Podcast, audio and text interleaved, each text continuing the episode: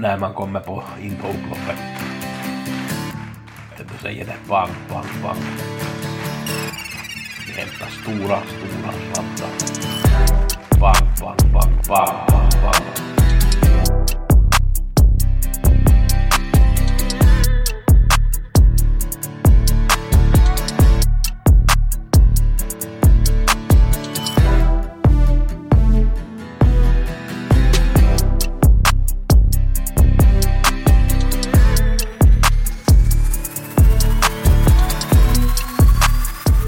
Vi har Gusse med en ny veckopodd.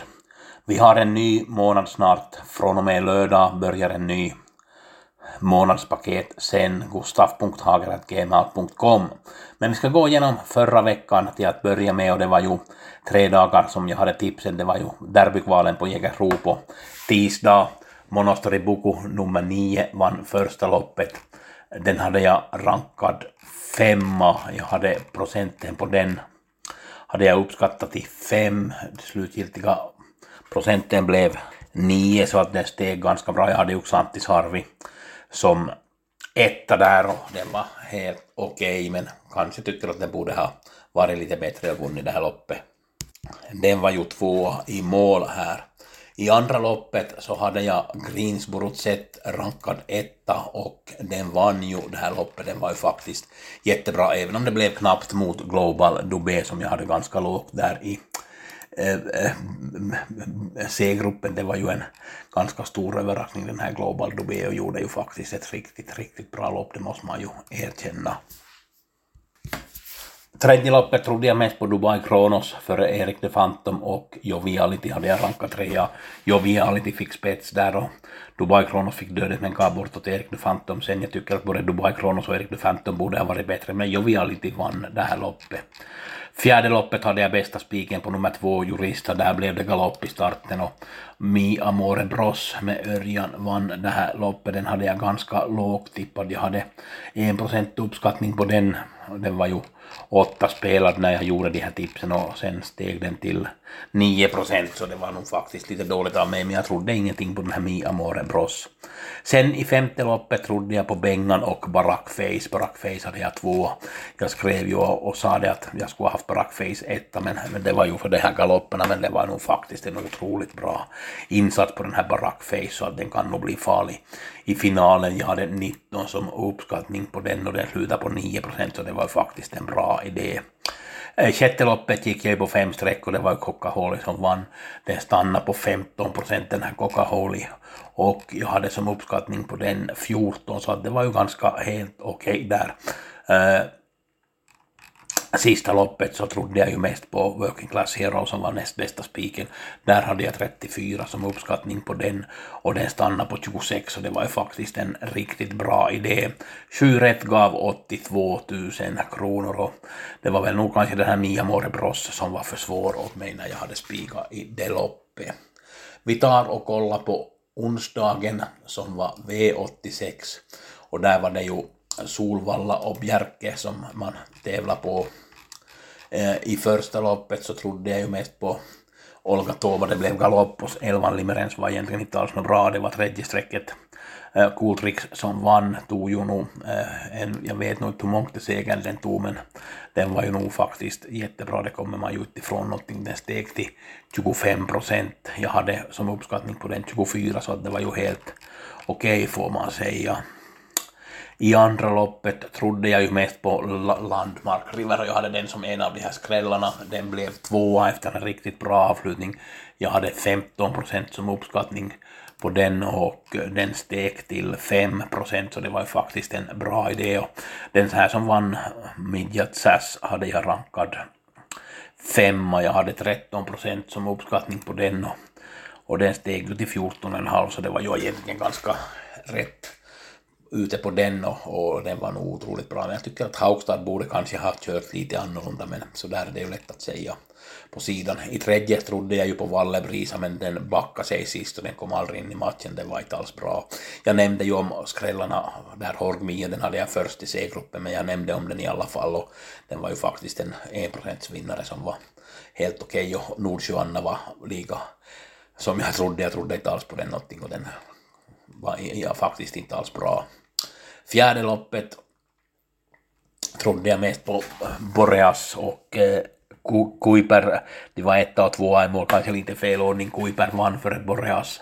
Eh, alla de här skrällarna som jag hade på onsdag så nämnt så de var tvåa i mål, Boreas var 3,5 procent men när jag när jag gjorde tipsen men den steg ju till 13 procent och jag hade uppskattning 19 på den så att den steg kanske inte lika mycket som jag hade tänkt mig. Kuiper hade jag satt 18 procent som uppskattning på och den steg till 17 så att det var ju en helt okej idé. Helstängt funkar bra på hästen. Femte loppet hade jag som skräll MM Hot Cash. Den var steg till 2,63 procent. När jag spelade den så var den en och en halv och den var ju 0 procent och 0,5 0,5 någonting där på, på tisdagskvällen när jag började få upp ögonen för den här och den var ju tvåa i mål. Den var ju eh, favoriten Just Perfect Sisu som vann det här loppet. Sjätte loppet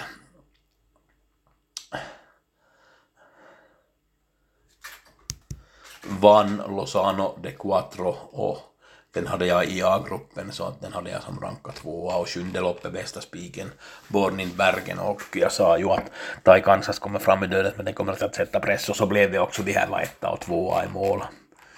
Och sista loppet trodde jag mest på Unico Broline och näst mest på Kapten Brodde. Kapten Brodde vann det här loppet så jag var lite fel ute i sista när jag hade fel vinnare kan man säga men den var i alla fall tvåa Kapten Brodde. Gav 27 000 på 8 rätt och vi fick en jackpot till nästa onsdag.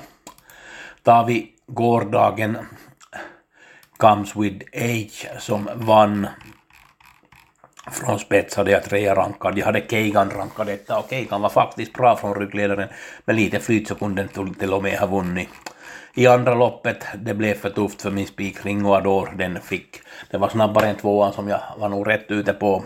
Eh, den tog ner Natural Mine eller hur den nu blev, jag kommer inte ihåg exakt, det var fyra i mål. Men, men, jag, men jag tyckte att den borde ha kunnat bättre även om den var, fick ett ganska tungt lopp där och skrällen Olivia CH, det var nog helt omöjlig för mig får erkänna att den var sist rankad och jag kollade nog på den här hästen men den, den, jag såg ingenting som skulle ha gjort att den skulle ha vunnit och det var nog faktiskt en, en av de här större skrällarna för mig genom åren, det måste jag erkänna helt. Tredje loppet var jag helt rätt ute på att Järvsö kommer att vinna det här. Jag hade 27 procent som uppskattning på den och då man kollar att den steg till endast 15 procent så var det nog en riktigt bra idé. Uh, Järvsö Odin är nog en bra, ett bra kallblod i form och jag har hög vinstprocent på de här kallbloden. Jag tycker att jag lyckas väldigt bra på, på dem även om jag misslyckades på Bjerke där i onsdags.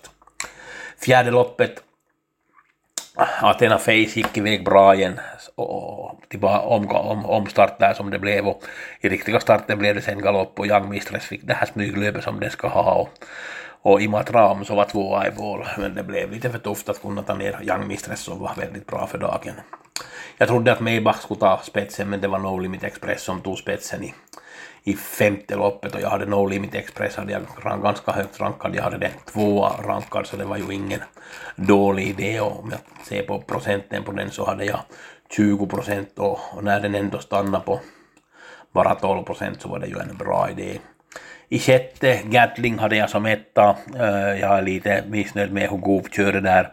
Jag tycker att när han kommer fram i döden så borde han försvara döden så inte ge bort den åt Melby Interest. Han blev fastsänd där med massa krafter kvar och avslutar riktigt silvas. Vi ska nog ta oss upp för Gatling nästa gång. Och i sista hade jag ju Hail Mary rankad etta. Det var ju rätt att jag hade den. Det blev ju loppet som jag hade gissat Där att Goopen får döden. Men Sannotör var inte som allra bäst. 815 000 gav och sju rätt och det var nog mest tack vare Olivias CH som det blev så stor utdelning.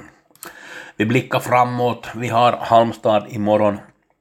Sista loppet, dagens dubbel 2, nummer 6, Ture LA. Den var ju ute på Axevalla på det här långloppet där och var femma i mål.